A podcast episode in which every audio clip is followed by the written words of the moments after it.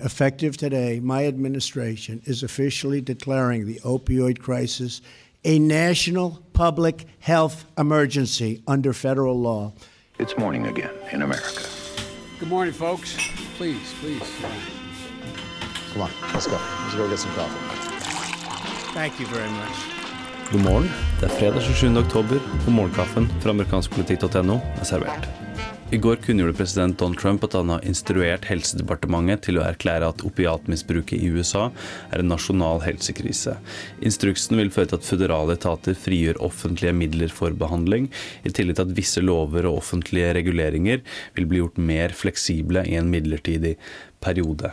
Kunngjøringen er en del av Trumps løfte om å ha fokus på bekjempelsen av opiatmisbruk i USA, selv om han ikke går like langt som han tidligere har lovet, og som eksperter har eh, pekt på at er nødvendig. I går ble Trump-administrasjonens eh, budsjett, som eh, gikk gjennom Senatet, også vedtatt i Representantenes hus med den knappe marginen på 216 mot 212 stemmer. Og ingen demokrater stemte for eh, budsjettet, mens 20 republikanere valgte også å stemme nei. Og det å få budsjettet vedtatt var viktig for republikanerne og Trump, ettersom det nå vil tillate republikanerne å vedta sin planlagte skattereform som vi ikke vet detaljene i, med et simpelt flertall på 51 stemmer i Senatet. Uten noen demokratiske stemmer, altså. Det som blir spennende nå, blir å se um, hva innholdet i denne skattereformen faktisk skal være. Der er det sagt veldig mye forskjellig uh, den siste tiden. Uh, og selv om republikanerne nå er et stort steg i retningen av å få til eh, det de selv omtaler som de største skattekuttene og den største skattereformen siden Reagans eh, tid, så er det fortsatt mange usikkerhetsmomenter framover her.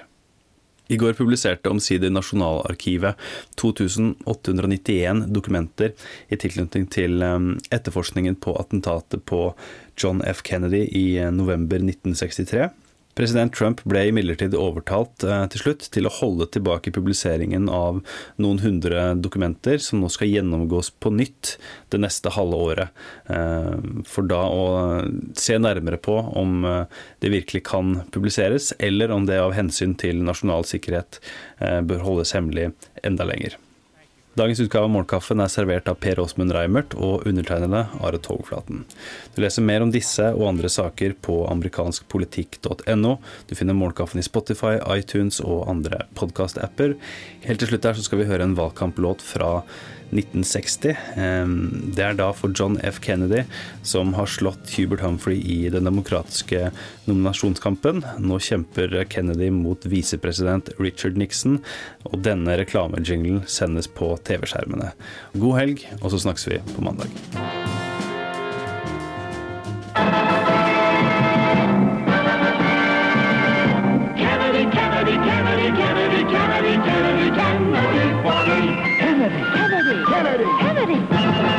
Do you want a man for president who's seasoned through and through, but not so doggone seasoned that he won't try something new? A man who's old enough to know and young enough to do. Well, it's up to you, it's up to you, it's strictly up to you. But it's Kennedy, Kennedy, Kennedy, Kennedy, Kennedy, Kennedy, Kennedy.